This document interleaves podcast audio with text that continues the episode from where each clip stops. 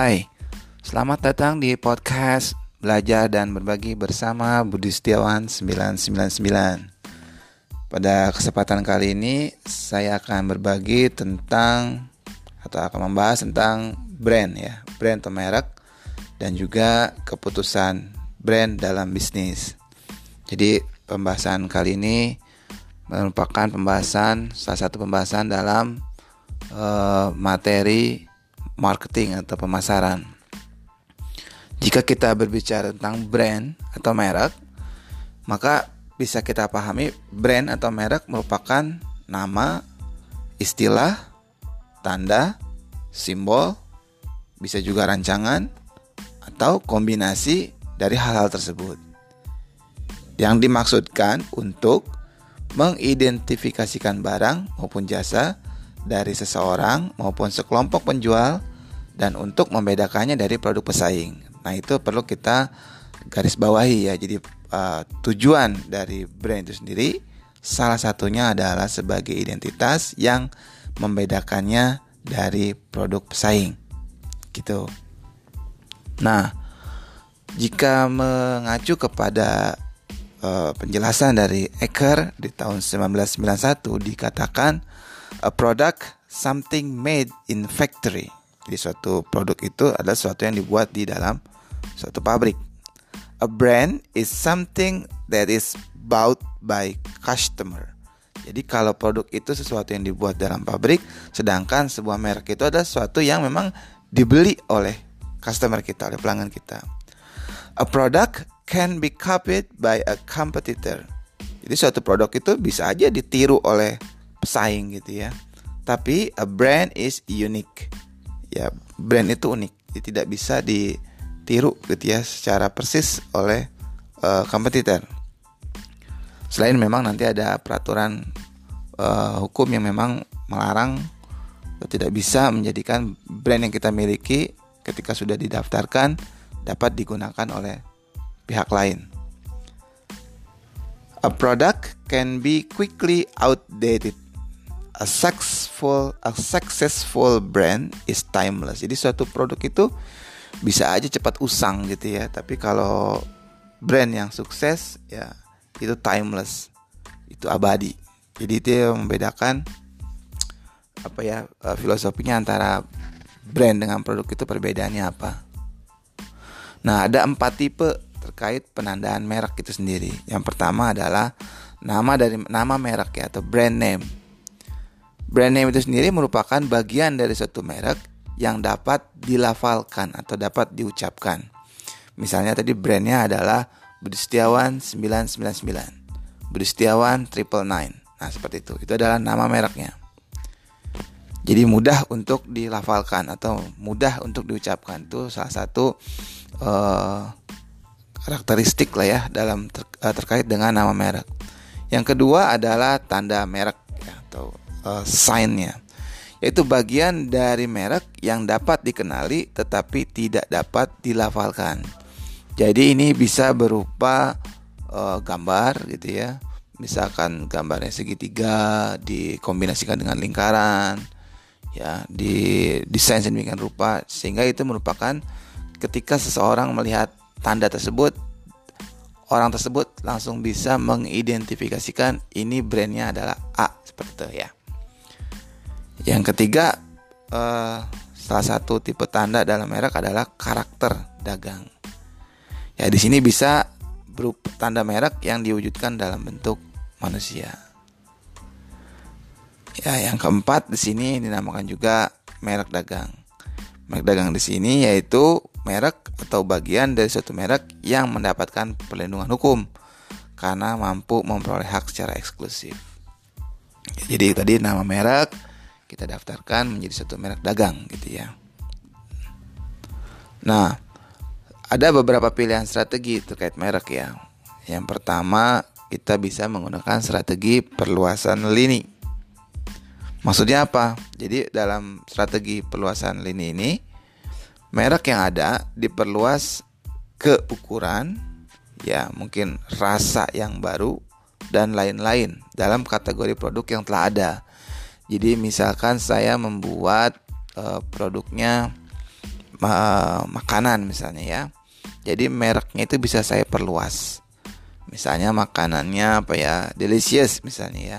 Bisa delicious chocolate, delicious uh, strawberry, delicious uh, cool dan sebagainya. Jadi kategori produknya masih di kategori produk makanan.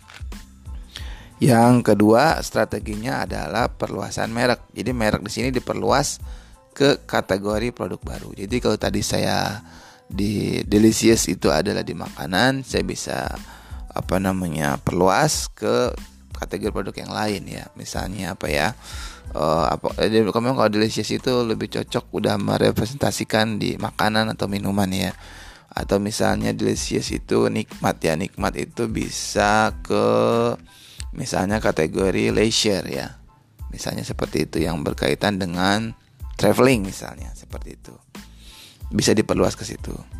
Yang ketiga strateginya adalah multi merek jadi multi merek sini adalah merek baru diperkenalkan pada kategori produk yang sama. Jadi kalau tadi saya bikin di kategori makanan mereknya adalah delicious ya. Mungkin untuk segmen konsumen yang berbeda, saya menggunakan mereknya misalnya uh, aroma. Nah, misalnya seperti itu ya. Jadi kategori produknya tetap makanan ya atau minuman. Cuma tadi yang pertama saya menggunakan mereknya adalah uh, Delicious. Yang kedua ini saya menggunakan mereknya adalah aroma. Jadi itu merupakan strategi multi merek. Oke. Nah, jadi pada multi merek ini jadi diperkenalkan gitu ya, diperkenalkan pada kategori produk yang sama. Gitu. Sedangkan uh, strategi berikutnya yang dapat dipilih adalah benar-benar dia ada suatu new brand, jadi merek baru.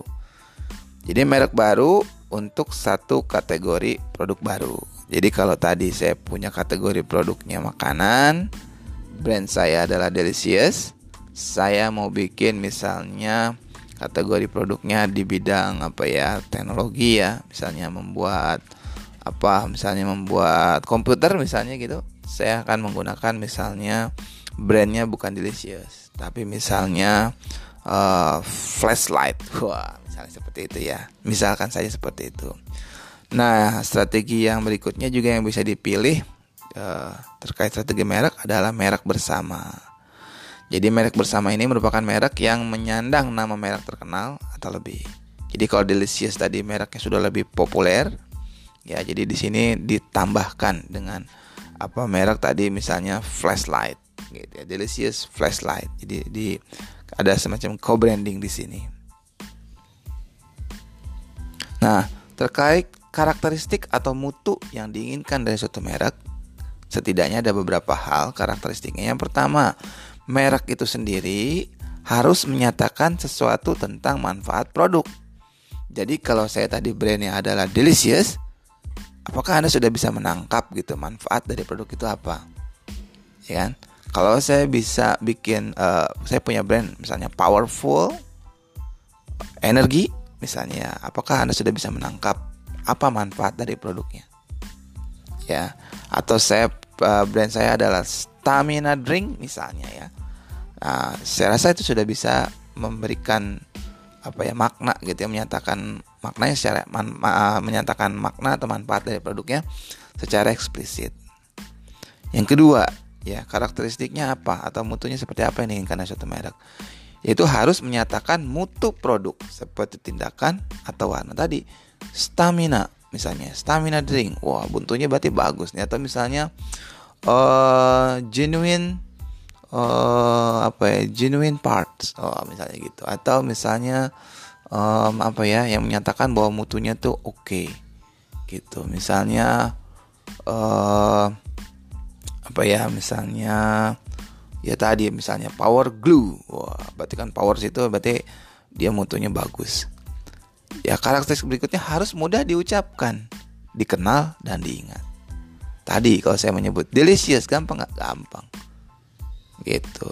Misalnya tapi kalau misalnya delicious Schwarzenegger ah susah tuh ya. Budi Setiawan Triple Budi Setiawan 999 agak ribet ya. ya udah Budi Setiawan Triple Nine. Woi keren. Budi Setiawan triple nine. Nah, mudah kan? Boleh diingat nggak? Budi Setiawan triple nine.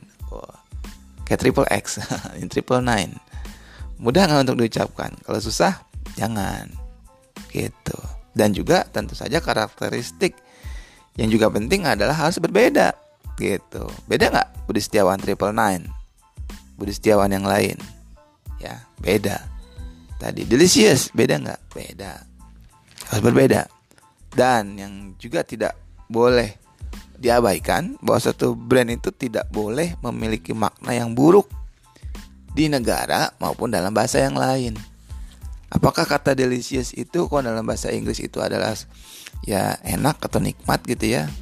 Apakah di bahasa lain misalnya di bahasa Yunani atau di bahasa Sunda memiliki makna yang yang negatif misalnya ya? Itu harus juga kita uh, pertimbangkan dengan baik. Harus betul-betul kita perhatikan jangan diabaikan. Gitu.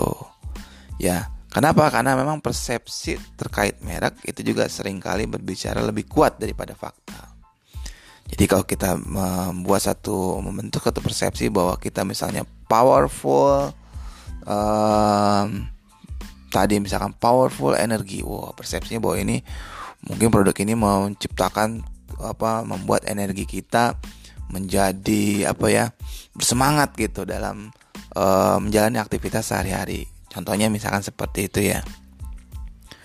Gitu dan nanti itu jangan tidak kalah penting nanti juga terkait dengan brand di sini adanya product positioning. Ya, jadi dikatakan di sini saya kutip ya, misalkan dari Peter and Olson dikatakan product positioning is positioning the product relative to competing products in the minds of consumer. Jadi maksudnya positioning produk di sini adalah memposisikan produk secara relatif dibandingkan ya produk-produk pesaing di mana di benak konsumen. Jadi kita khasnya kita dibandingkan pesaing kita apa? Budi Triple Nine dibandingkan Budi yang lain dibandingkan tokoh-tokoh yang lain yang juga atau para pendidik yang lain ya yang yang menyediakan waktu ya yang kemudian juga berbagi belajar dan berbagi. Apa bedanya eh, tokoh-tokoh yang lain dengan saya? Misalnya seperti itu. Jadi saya bisa memposisioningkan memposisikan produk saya seperti apa yang membedakan diri saya dengan pesaing. Oke uh, rekan-rekan terima kasih. Uh, sekian podcast uh, saya kali ini. Ini adalah podcast pertama saya. Uh, mudah-mudahan ke depan bisa membuat uh, beragam uh, podcast lainnya yang tentu saja sesuai dengan visi saya yaitu menjadikan media sosial uh, sebagai media uh, belajar dan berbagi bersama suatu hal yang bermanfaat. Terima kasih, mudah-mudahan bermanfaat. Sampai jumpa di lain kesempatan. See you, bye.